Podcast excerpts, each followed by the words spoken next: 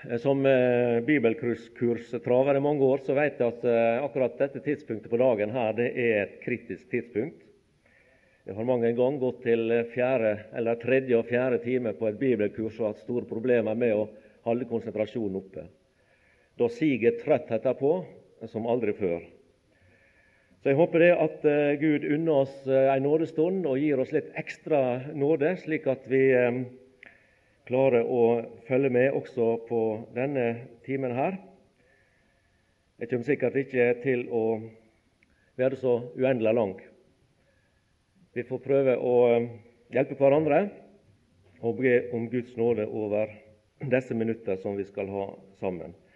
Jeg tenkte litt på det både i går og også i dag, at eh, når vi prøver å vitne om Jesus Det er du sikkert opplevd, du også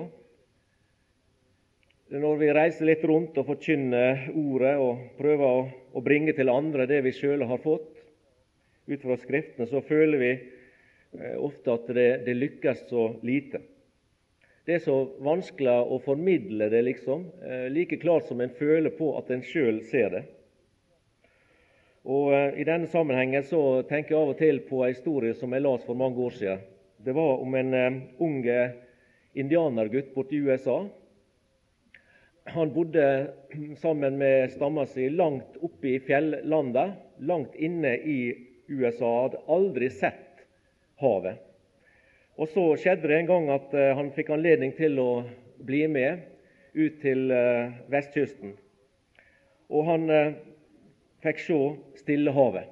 Sto der nede med stranda og så utover denne enorme flata. Han så og så og ble aldri mett av å se. Det var så imponerende. Det var så, for han så utrolig at dette her var virkelighet. Det var nesten som en drøm for han, som var vant med å se bare fjell og dal og fjell og dal og ei og anna elva.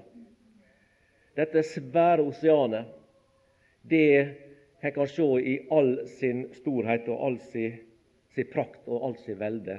Og Han ble fortalt at eh, om en reiste med en båt ut på dette havet, så kunne en reise i dag etter dag etter dag og fremdeles ikke se annet enn hav. Når han eh, da skulle hjem igjen, så oppdaga de som han hadde bodd hos, at han hadde med seg ei lita krykke. Og i denne krykka der hadde han samla noe ifra Stillehavet. Han hadde gått ned på stranda eh, siste kvelden, og så hadde han fylt denne krukka si med saltvann fra Stillehavet. Og Så spurte de han hva, hva han skulle med denne. Jo, sa han, når jeg kommer hjem igjen til folket mitt, så vil jeg vise dem Stillehavet. Og du skjønner selvfølgelig at eh, det var umulig for han ved ei lita krukke med noen dråper vann å vise dem Stillehavet. Han hadde bilder og erfaringer og erindringer i sitt sinn og i sin tanke. Han så for seg dette veldige osean. De andre de så for seg krukke med noen få dråper vann. Heldigvis så er det ikke slik for deg som, som et Guds barn som det var for denne gutten. Fordi at selv om vi som står her, prøver å formidle ut fra Guds ord det vi har sett, i de ulike sammenhenger og i de ulike tema, så eh, kan det minne om denne krukka med dette lille. Men du har heldigvis for din del adgang til havet. Du har adgang til kilden. Du har adgang til løftenes osean, om jeg så skal si, for du har sjøl adgang til Ordet. Og det som blir formidla fra talerstolen, det er små glimt her og der som skal være med og tilskynde deg og oppmuntre deg, og meg selvfølgelig også, oss alle, til å gå dypere inn i Ordet, i å undersøke videre og ved Guds og Den hellige ånds hjelp å trenge inn i disse løftene og disse tingene, slik at eh, det som vi får i bruddstykket her, det kan bli klarere og klarere for oss og få større og større betydning for oss ettersom vi studerer det videre, og tida går. Og det skjer det som vi har hørt de andre også har sagt her ifra, at det vil endre vårt liv. Det vil forandre vår kurs og gjøre vårt liv rikere og annerledes. Så vil jeg gå tilbake til apostelgjerningene, det 15. kapittel. Jeg syns det er eh, det som må bli utgangspunktet for meg i ettermiddag, og ta fatt der jeg slutta forrige gang. Og Da slår vi opp i apostelgjerningene, det 15. kapittel. Det var Jakob som eh, der uttrykker eh, Guds program, kan vi si, for denne tidsperioden. Og ifra fra vers 13 eh, leser vi slik.: Og da de hadde holdt opp å tale, tok Jakob til orde og sa:" Brødre, hør på meg. Simon har fortalt hvorledes Gud fra først av drog omsorg for å få et folk av hedninger for sitt navn. Og dermed stemmer profetenes ord overens, således som det er skrevet. Deretter vil jeg vende tilbake og igjen oppbygge Davids falne hytte. Og det nedbrutte av den vil jeg atter oppbygge, og jeg vil igjen oppreise den. For at alle andre mennesker skal søke Herren, ja, alle hedningefolkene som mitt navn er blitt nevnt over, sier Herren som gjør dette, som er kjent av ham fra evighet av. Her leser vi om eh, dette under som skjer i verdenshistoriens løp, nemlig at Gud han tar liksom en pause ifra sin handling med israelsfolket. Og i denne pause så handler han med hedningefolka gjennom det at han her tar seg ut et folk av hedninger for sitt navn. Og Det er det du og jeg har blitt gjenstand for. Dette at Gud som vi har hørt gjennom timene før, elsker ikke bare jødene, men han elsker verden. Han elsker alle mennesker, av alle raser, av alle folk og etter nasjoner stammer. Og han viste det ved å gi sin sønn, den enbårne, til død på Golgata kors, der han eh, sonte vår synd, der han betalte vår skyld og vår gjeld, og der han gjorde det mulig for Gud til å rope dette nådens og frelsens budskap ut og si:" Kom til meg, alle dere som strever tungt å bære. Og som det også står så klart at det kan ikke sies klarere Gud vil at alle mennesker skal bli frelst. Alle mennesker. Uansett status, uansett sosial bakgrunn, uansett kulturell eller religiøs bakgrunn, så vil Gud, fra hans synspunkt og hans side, så er hans hjertelag slik som vi har hørt så fint, at han vil at alle mennesker skal bli frelst. Og Det ble de og min redning. Fordi at eh, dette at han eh, vendte seg ifra jødene og til å handle med hedningene gjennom evangelieforkynnelsen, gjennom budskap fra apostlene og videre gjennom hundreåra, like til vår tid. Det er det som gjorde det mulig at du og jeg fikk høre ordet. At du og jeg blei konfrontert med Guds kjærlighetserklæring at han elsker deg, at han elsker meg, og at du og jeg fikk nåde til å gi et gjensvar til ham. At vi ville ta imot denne nådeserklæring og denne kjærlighetserklæring fra Gud, og la Han få lov til å elske oss slik at Han elsker oss inn i sin frelse. Men som vi også nevnte sist, til slutt, at dette innebærer ikke at Gud har forkasta Israel slik som mange også i vårt land mener. Vi kjenner til det, at det er eh, mange som har det, det, synet og har den eh, mening om disse ting, at Gud han er ferdig med Israel. Gud han har gjort seg ferdig med jødene. Og at de løfter som er knyttet til Israelfolket, de er blitt overført til menigheten. Slik at menigheten, de kristne, de frelste i dag, de er det som utgjør Israel i dag.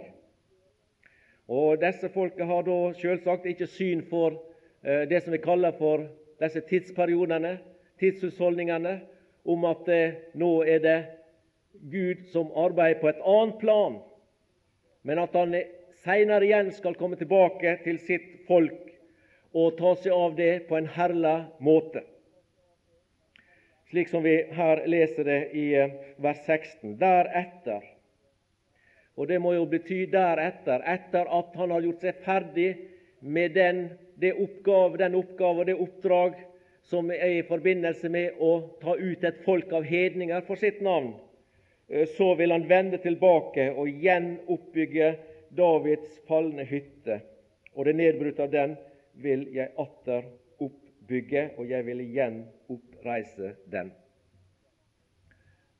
Eh, Aurebekk han brukte å si det slik at i vår tid så er hedningene hode og jødene hale. En tid seinere, når Jesus kom tilbake som Messias og opprettet sitt tusenårige rike og regjerer med utgangspunkt i Jerusalem, da er jødene hodet og hedningene hale. Og Dette viser at Gud han legger sine planer, og han gjennomfører sine planer. Han er en ordens Gud, som vi nevnte sist. Alt skjer i overensstemmelse med Skriftene, slik som vi leste her at Jakob uttrykker det så fint. Og dermed stemmer profetenes ord overens. Profetenes ord, skrifter i Det gamle testamentet, de strekker seg over en lang, lang tidsperiode, over mange hundre år. Og de er skrevne av mange ulike skribenter. Men den som er forfatteren, det er Den hellige ånd. Og Derfor så er det ikke rart, slik som vi ser det, og sikkert du ser det også, at Skriftens ord stemmer overens. For enten det er Moses, enn det er Sajas, enn det er Hoseas, eller Paulus eller Peter, enn hvem det er som uttaler seg i sine skrifter, så kommer det fra den samme kilde. Det kommer fra Gud, åpenbart ved Den hellige ånd. Men dessverre så er det ikke alle som ser det slik. Og det er mange av de mest kanskje utdanna, skulerte mennesker som bekjenner seg til troens folk, som bruker sin energi, dessverre, til, etter mitt skjønn, å bryte ned tillit og tro på Guds ord, i stedet for å bygge opp og verne og skjerme det og forsvare det mot ugudelighet og mot ateisme og mot de som står Gud imot. Og De som skulle være våre åndelige veiledere, de er i mange tilfeller blitt våre åndelige villedere. Men Gud, han er en ordens Gud, og Gud han setter tingene på plass. Og Gud han har hatt sine folk til enhver tid som har forkynt Hans ord. Og det er også vår oppgave å løfte fram Hans dyder, som Peter sier. Å forkynne og fortelle hverandre om Jesu prisverdige egenskaper. Og det som Han har gjort, og det som Han gjør, og det Han står for, og det Han er i sin person og i sitt vesen og i sin karakter, at vi får tak i det og lærer Han å kjenne på en bedre måte enn vi har til nå. Og Det er det disse samlingene her skal hjelpe oss til, ettersom Herren gir nåde til det. Og Jeg tenkte på det i formiddag og også i går, både på dagen og kvelden. Ut fra dette ordet og utsagnet som Jakob sier. Alle som har stått på talerstolen her, har forkynt ordet og har tra tra trakt ord fra Gamle testamentet, fra nye testamentet, fra Mosebøkene, fra Isaias-boka, fra de ulike bøkene, fra evangelietekstene og fra brevet. Og Vi ser det når vi sitter og lytter og hører på de ulike som forkynner, at det er sant som Jakob sa. Profetenes ord stemmer overens. Det er aldri motsetning hos Gud. Han lar alt skje til sin tid og i rett rekkefølge. Og I denne sammenhengen som vi leser her, så er det først menighetens tid, menighetens tidsperiode. Først er det Kristi brud, og så er det gjenoppbygging av Davids falne hytte. Så er det regjeringstid med Kristus, Messias, som konge. Og når Han kommer tilbake, da vil alle profetier som gjelder Hans rettferdige ledelse på jord, som vi finner i Det gamle testamentet, de vil bli oppfylt alle som én. Vi skal ikke være i tvil om det. Vi kjenner til hvor nøyaktig og på kommaet profetier er blitt oppfylt i forbindelse med Jesu første komme. Og Vi leser i Det gamle testamentet om Jesu første komme, om hans fødsel, om hans fødested, om hvem som skulle eh, bringe han fram, om ei jomfru som skal bli fruktsommelig, om hans eh, korsdød, om hans lidelse osv., så, videre, så er det nøyaktig oppfylt på prikken. Og vi har ingen grunn til å tvile på at himmelens Gud, vår evige Far og vår Frelser, at Han skulle være mindre troverdig i forhold til Jesu gjenkomst og i forhold til det arbeidet og den tjeneste han utfører i forbindelse med sine kjære barn i denne tidshusholdning.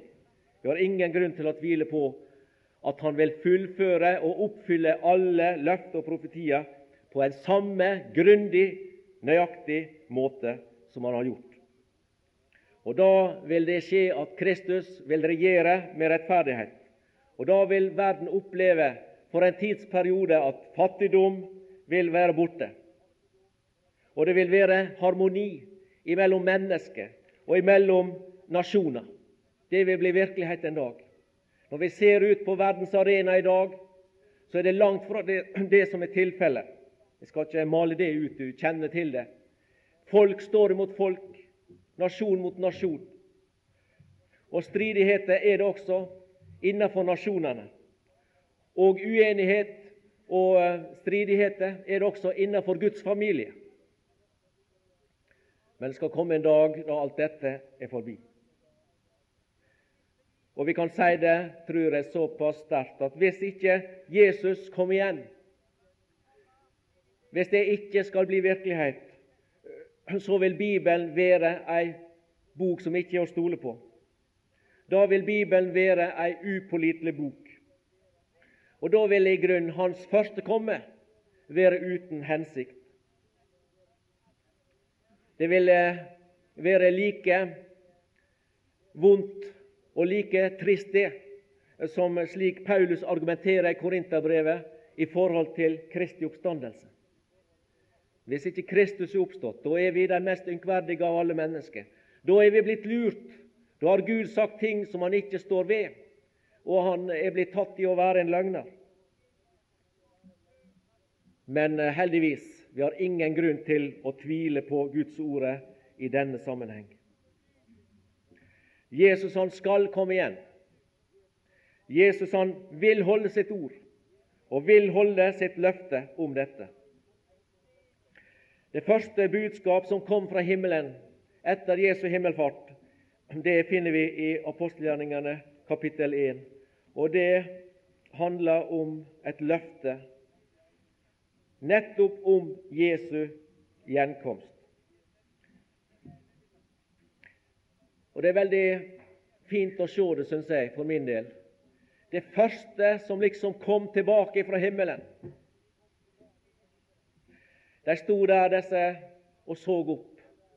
Og Vi var minnet om i, i går kveld hva slags tanker gjorde de seg egentlig når han kom og fortalte at eh, nå skal jeg gå bort, nå skal jeg forlate dere.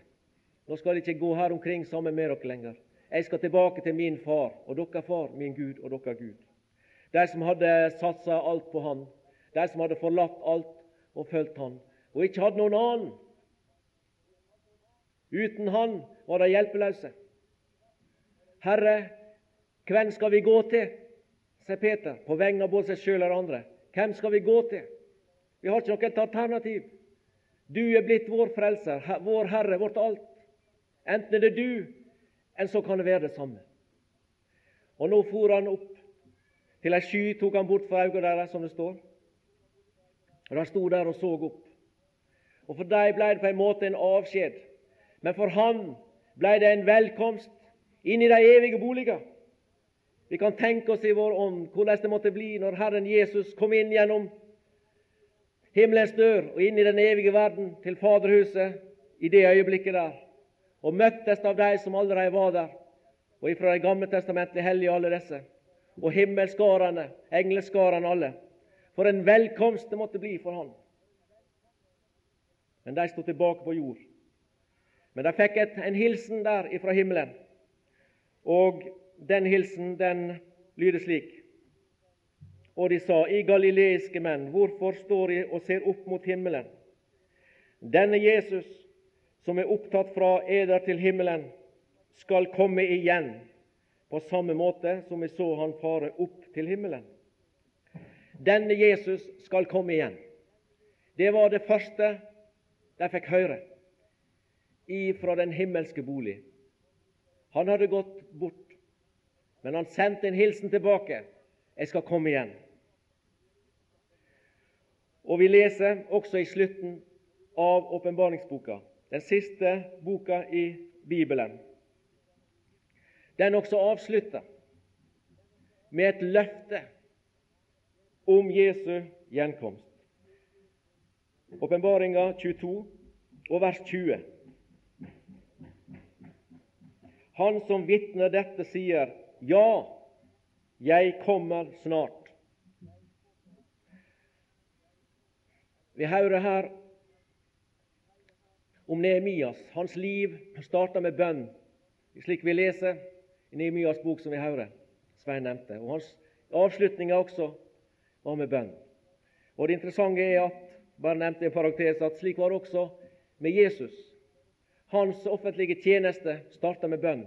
For da han sto opp etter å ha blitt døpt av Johannes ved Jordanelva, så står det at mens Jesus ba, da skjedde det noe.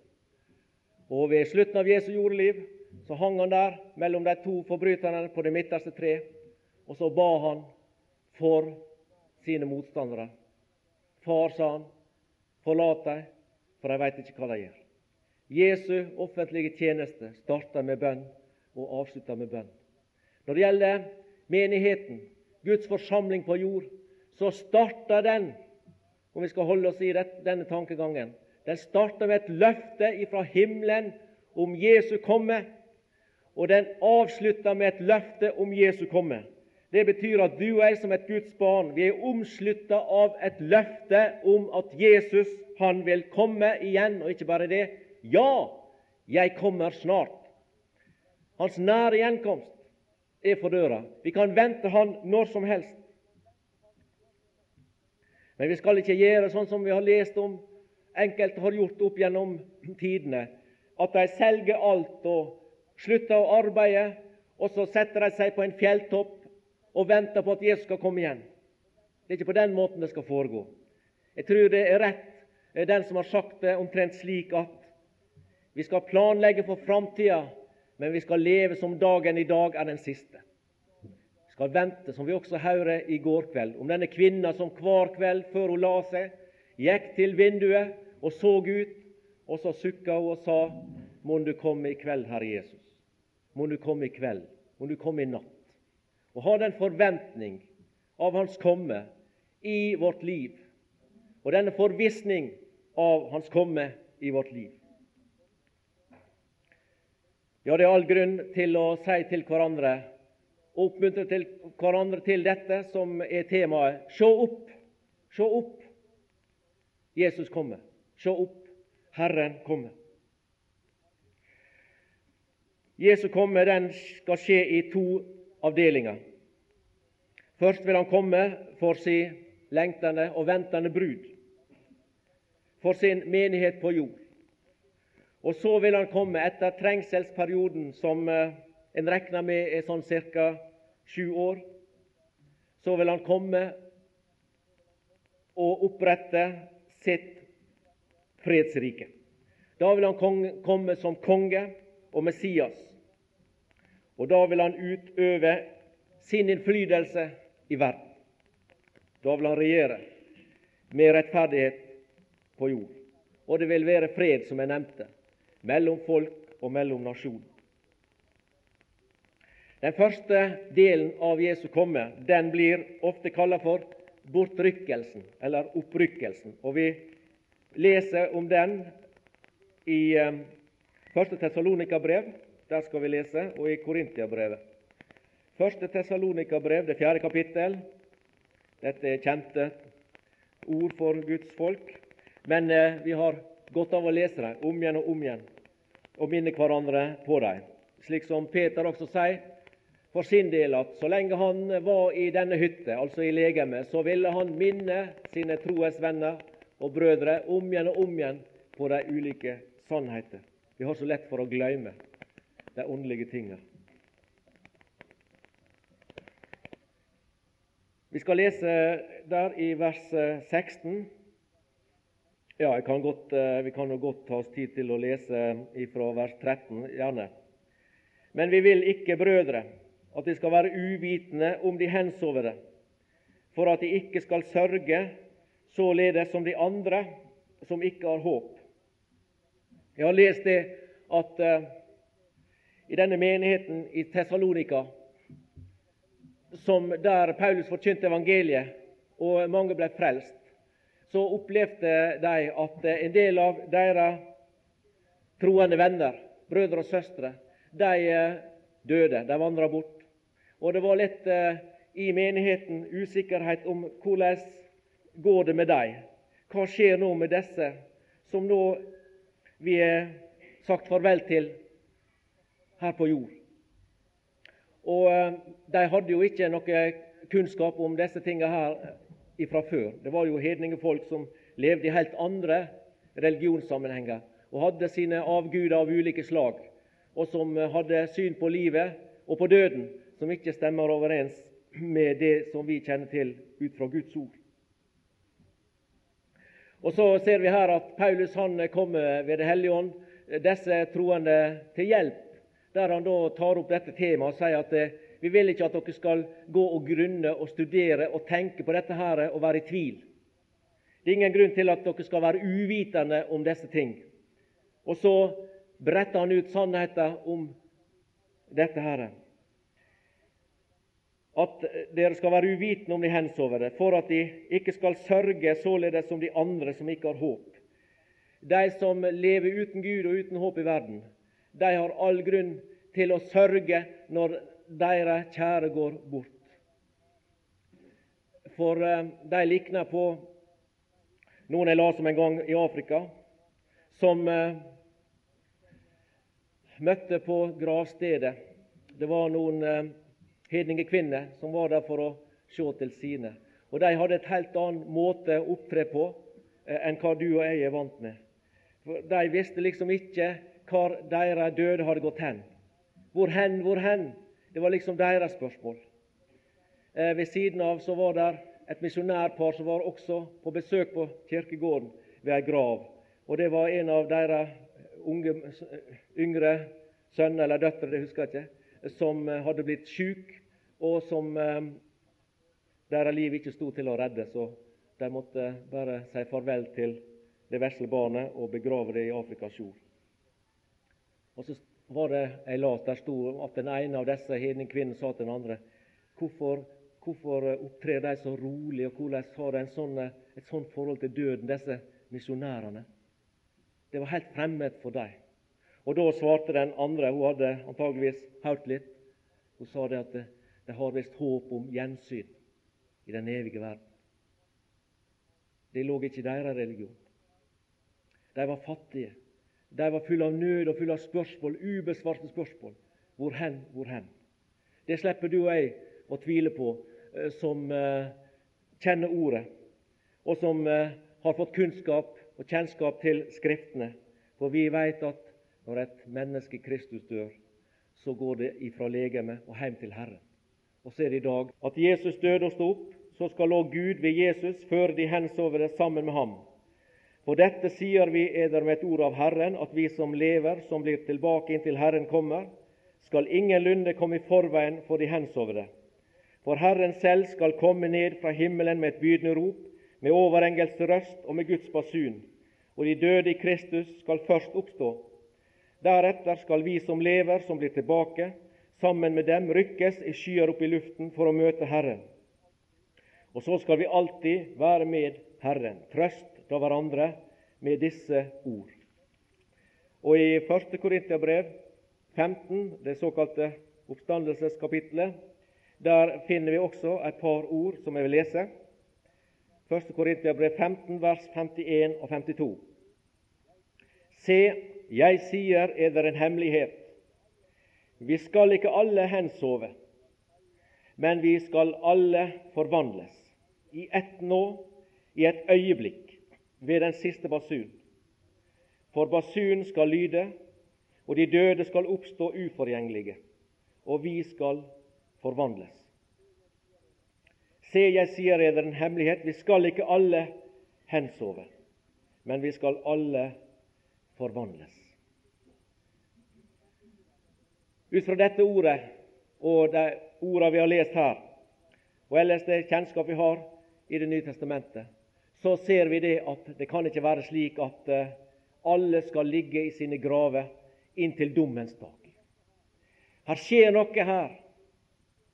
Det er de troendes oppstandelse, den første oppstandelse, som skjer i forbindelse med Jesu komme. Skal komme mer og mer detaljert tilbake i dette til, i neste time som vi skal ha. Men det som skjer her, og som vi har lest i Tessalonika-brevet og i 1. Korintiabrev 15, det er at eh, de døde Kristus oppstår, de levende kristne, de som lever når Jesus kommer, de blir forvandla. Og både de som ble oppvekt, og de som levde og ble forvandla, begge disse gruppene de rykkes i skyer opp i lufta for å møte Herren. Menighetens eh, tid ligger altså imellom to oppstandelser. Menighetens tid ligger mellom Kristi oppstandelse og de troendes oppstandelse. Vi, leser i, eh, i, det samme brevet som vi nå hadde her for et øyeblikk siden, 1. Korinterbrev 15. Hvis du der ser på vers 23 eh, og 24, så står det slik Men hver i sin egen avdeling. Rett før her så er det nevnt at Kristus han er oppstanden og er blitt førstegrøden av de hensovne. Og her er det snakk om at alle dør i Adam, så skal også alle levendegjøres i Kristus. Men hver i sin egen avdeling. Kristus er førstegrøden. Deretter skal de som hører Kristus til, levendegjøres ved Hans komme. Kristus er førstegrøden. Og så skal de andre som hører Kristus til, levendegjøres ved Hans komme. Men som vi hører her, at det er ikke alle som skal dø av Guds barn. Det vil være millioner som lever når Jesus kommer igjen. Og de skal oppleve en forvandling. For det er klart, som vi alle vet, at ingen kan gå inn i den himmelske verden med den gamle natur med det legeme vi har her og nå. Slik at hvis Jesus kom akkurat nå, så ville du og jeg oppleve i et øyeblikk at vi blir forvandla. Erik Sauer, som mange av dere sikkert har lest bøker av, og som har skrevet den boka som eh, sikkert han Svein refererte til her i går, på Troens arena, han sier det slik at bortrykkelsen etter sitt vesen er femsidig. Og eh, Du som skriver, kan kanskje notere de fem tingene som han eh, retter opp da, i, eh, bare i nøkkelord. Det er bortrykkelse, det er den ene sida. Opprykkelse, det er den andre sida. Det sier på en måte to forskjellige ting. Bortrykkelse og opprykkelse herliggjørelse, triumf og salighet. Det er de fem trekka som Sauer nevner i forbindelse med bortrykkelsen og dens vesen. Den inneholder bortrykkelse, opprykkelse, herliggjørelse, triumf og salighet.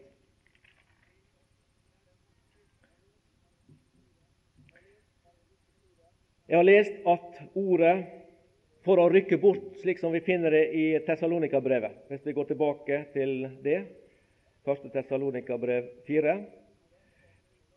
Det ordet som er brukt der det står om 'rykkes i skyer opp i luften', det ordet, det er Har jeg skrevet ned her? Karpaso, som egentlig betyr å gripe raskt røve med vold, rive til seg med en hurtig, plutselig bevegelse. Der ser du i innholdet der, så er det at ting skjer veldig snart, veldig raskt. Og der er også inne i bildet, ser du, kraft, dynamikk, makt ligger i dette uttrykket. Å gripe raskt. Du har sikkert prøvd deg med det. Jeg har prøvd meg og mislykkes mange, mange ganger. Um, en elev han kommer til meg, og så har han et, eh, en liten linjal. og Så sier han 'hold fingrene dine sånn', sa han. Og Så holder han linjalen mellom fingrene, og så slipper han linjalen, og så skal jeg gripe linjalen. Det går som regel eh, dårlig. Gripe raskt. Røve med vold. Rive til seg med en hurtig, plutselig bevegelse. Eh, Lukas han bruker dette ordet i apostelgjerningene det 23. kapittel, kan lese det, så ser du sammenhengen og får en bedre forståelse av ordet sitt innhold. Eh, det var en bande med folk der, en gjeng som eh, holdt på å plage Paulus ganske kraftig. Det var en gjeng med fiender som trengte kraftig innpå han, og som Kanskje ville gjøre han ille. Ja, ganske sikkert ville gjøre han ille. Og Da står det i eh, det 23. kapittel og 10. vers. Da det nå oppsto stor strid, fryktet den øverste høvedsmann for at Paulus skulle bli slitt i stykker av dem. Det var kraftige saker som foregikk på den tid. Det var ikke småtteri som Paulus måtte gå igjennom som et Jesu vitne i sin samtid. Og han bød krigsfolket å gå ned, og så kommer det uttrykket som er det samme som i Tessalonika-brevet. Han bød krigsfolket å gå ned og rive ham ut fra dem og føre ham inn i festningen. Der kom altså noen krigsfolk ned i denne mengda av mennesker, gikk resolutt bort til Paulus der idet de holdt på liksom og skulle slite han i stykker. Og så reiv de han ut. Og Da skjønner du at det var med makt, og det var med autoritet, og det var med kraft det skjedde. De kom ikke der ned og stilte spørsmål at eh, 'Unnskyld meg, men eh, kan dere være så greie å la meg slippe fram, så jeg kan få Paulus ut her?' Nei, det var med makt og med kraft, med den autoritet som høvedsmannens folk hadde. Og Det samme ordet blir også brukt i eh, første Tessalonika-brev, det første kapittel, der det står i det tiende vers om de kristne i Tessalonika eh, som vendte seg til Gud fra avgudene eh, for å tjene den levende og sanne Gud, og vendte på Hans Sønn fra himlene. Vente på Hans Sønn fra himlene. De var kjent med, og de bar i sitt hjerte, forventninger og forvissninger om Jesu gjenkomst allerede da og vente på Hans Sønn fra himlene, som Han oppvakte fra de døde, Jesus. Han som Så kommer det uttrykket frir oss fra den kommende vrede. Altså det uttrykket der frir oss fra den kommende vrede. Det inneholder altså dette her i sitt, uh, sitt innhold og griper raskt, røver med vold, rive til seg med en hurtig, plutselig bevegelse. Og det er slik Jesus vil befri sine troende fra den kommende vrede. Det betyr med andre ord at Paulus skildrer menighetens opprykkelse. Han skildrer denne begivenhet nærmest i militære bilder. Herren selv skal komme ned fra himmelen med bydende rop, under alarmsignal, under kommandorop, befaling og feltrop, og under trompetklang og Guds basun. Det er liksom, Jeg ser det liksom for meg i tanken. Den Herre Jesus, når den tid kommer, reiser seg fra tronen. Reiser seg der han sitter i dag, ved Faderens høyre hånd. Det blir bevegelse i den tredje himmel. Og hva skal skje nå? Tenk på himmelvesen. De hellige ånder som er der. Englene og alle. Hva skjer nå? Hva er i ferd med å skje? Det blir bevegelse. Og så går han ut derifra og ned gjennom sfærene og inn i lufthimmelen. under og med Guds basun, med bydende rop, med overengelsk røst og Guds basun. Og der møter han ei styrke. Der møter han ei avdeling. Der møter han ei hær, som, Paulus skildrer i Efeserbrevet, der han sier at vi har ikke kamp mot kjøtt og blod osv., men imot makter og myndigheter, imot ondskapens ånde her i himmelrommet. Og du kan tro at denne ondskapens ånde her vil mobilisere til siste ånd, for å si det på den måten, når de merker og kjenner og erkjenne at Frelseren Jesus, menighetens Herre, er på vei for å hente sin brud. Men da skal han med dette som vi har sagt her, med militærmakt nærmest, bryte seg igjennom han skal røve med vold, rive til seg sine kjære. Der skal ingen hindre han. Han skal få dem ut herifra. Han skal få dem med et befalende rop opp ifra grav, like som han i sin tid fikk Lasarus ut med et ganske enkelt å nevne hans navn. Lasarus, kom ut! Så kom han ut. Og de døde i Kristus skal oppstå på hans bydende rop og ikke én skal bli liggende tilbake. Og De gjenlevende troende vil bli forvandla og vi blir rykka i sky opp i lufta. Og de vil stå igjen, disse ondskapens ånde her. De vil være slått av Herren Jesus Kristus. De vil ligge tilbake i ruiner, omtrent som egypterhæra da Moses førte dem i triumf over havet. Og det endte i forferdelse for hele faraos hær. De tapte så det sang. Og det skal også skje. Seierherren på Golgata, han skal bringe sine kjære inn i den himmelske verden i triumf. Og vi skal bli Han til pris i evigheters evighet. Han skal vise oss fram for makt og myndighet og si så her er de som jeg fikk berge gjennom min døde oppstandelse, gjennom mitt himmelske liv og gjennom min erobring nå der jeg gikk ned i lufthimmelen og tok mine til, til meg.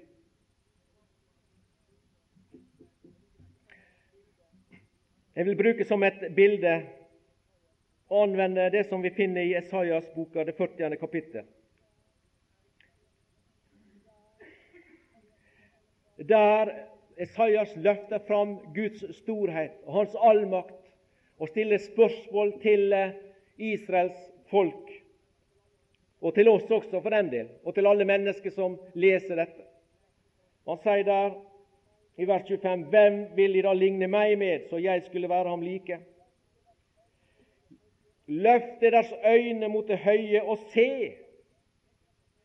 Er ikke du overbevist, akkurat som Paulus sier? Veit ikke dere? Det er ikke fordi at han tror de ikke veit det, men han vil minne dem på det på nytt. Veit ikke dere at Eller veit ikke dere, men veit ikke dere Slik og slik tar han nå igjen gjennom romerbrevet, f.eks. Gang etter gang. Løft deres øyne og se. Hvem har skapt disse ting?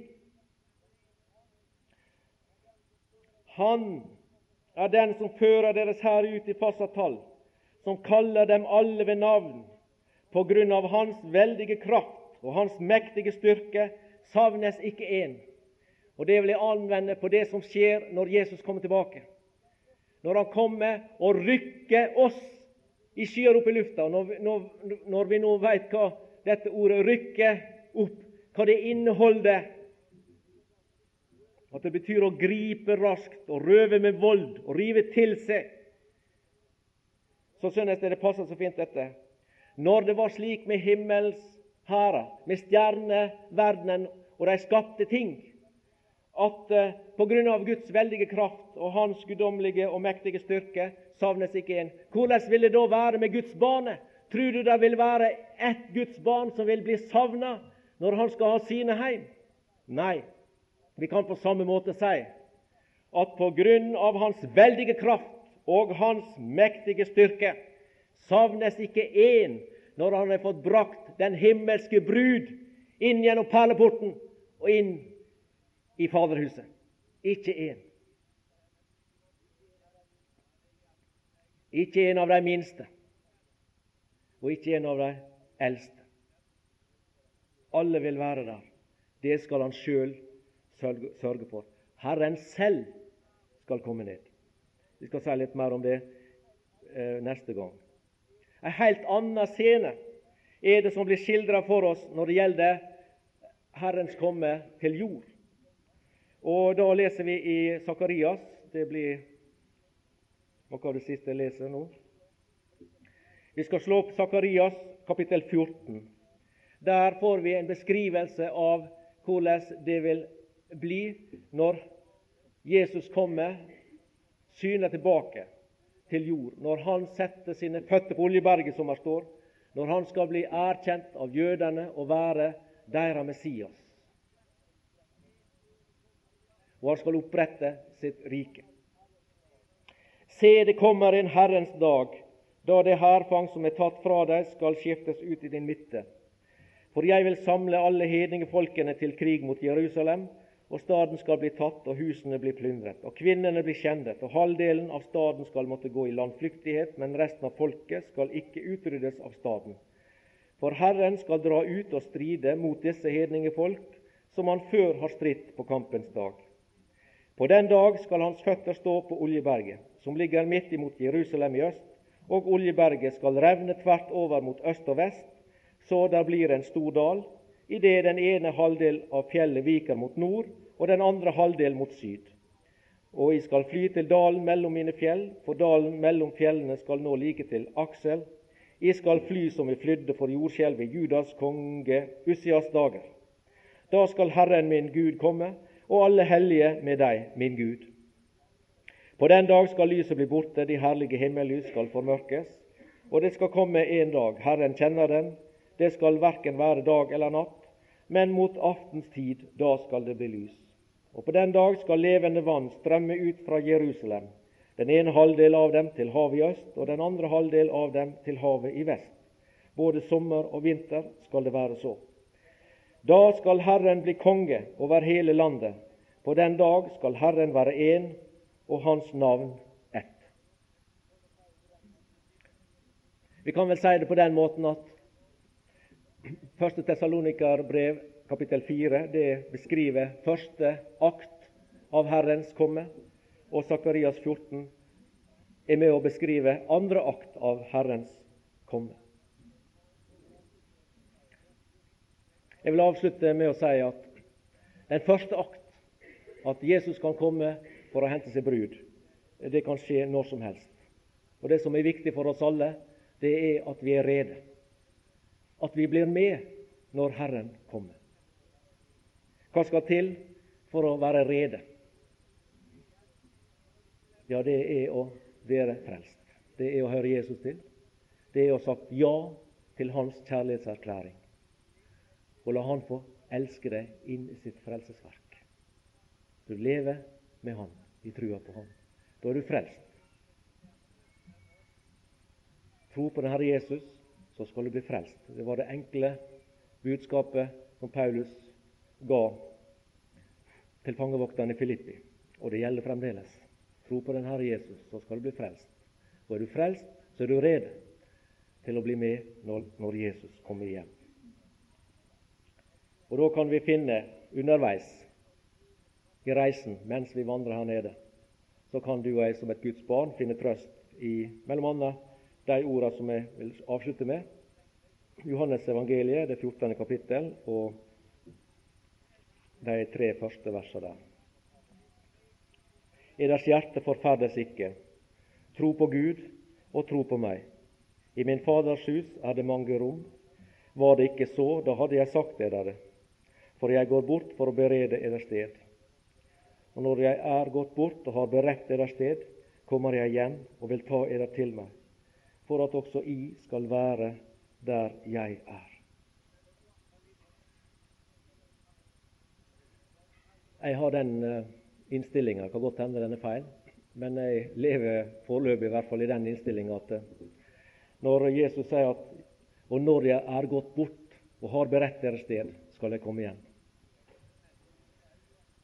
Jeg tror at uh, den beredelsen skjedde i forbindelse med frelsesverket på Golgata. Så i det at Jesus for tilbake til himmelen, så kunne han i grunnen når som helst komme tilbake. Det var ingenting som skulle hindre han ellers i å komme hjem for å hente sine kjære. Og Derfor så levde også de første kristne, apostlene og de første kristne i Tessalonika og andreplass, i forventning av at Jesus skulle komme hjem. De levde, de tjente den levende Gud og venta på Hans Sønn fra himlene. Og Det er det du og jeg også får leve i forventning av. Takk, Herre Jesus, for at du elsker synderen. Takk for du har eh, lagt en evig plan for oss. Ei herlighet så stor og så mektig, men samtidig så forferdelig som vi hører. For de som ikke får oppleve den lyse sida, de vil oppleve den mørke sida av din herlighet. Og det vil være fortapelse for dem. Takk, Herre, for at jeg fikk være med. Takk for den nåde du har vist mot meg, med at du kalte meg ut av verden og sette meg over ifra døden til livet. Takk, Herre Jesus, for hver enkelt som du har fått frelst, ung og eldre.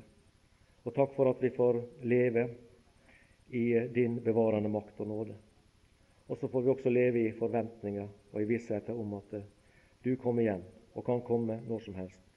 Takk for at eh, jeg får være med når du kommer. Takk for hver enkelt som kan si i sitt hjerte og sinn det samme. Takk, Jesus. Jeg er din, og jeg får være med når du kommer og henter din brud. Vi minner deg, Herre, om de av våre som ikke er frelst, som lever og snur ryggen til deg også i dag. Du elsker deg også. Du vil at også de skal bli frelst. Herre Jesus, kall og kall og kall på dem inntil du vinner dem for deg. La det lykkes. Vi legger resten av dagen i din hånd, Herre, og ber om ditt nærvær og din nåde og din velsignelse over det vi skal ha for oss. Amen.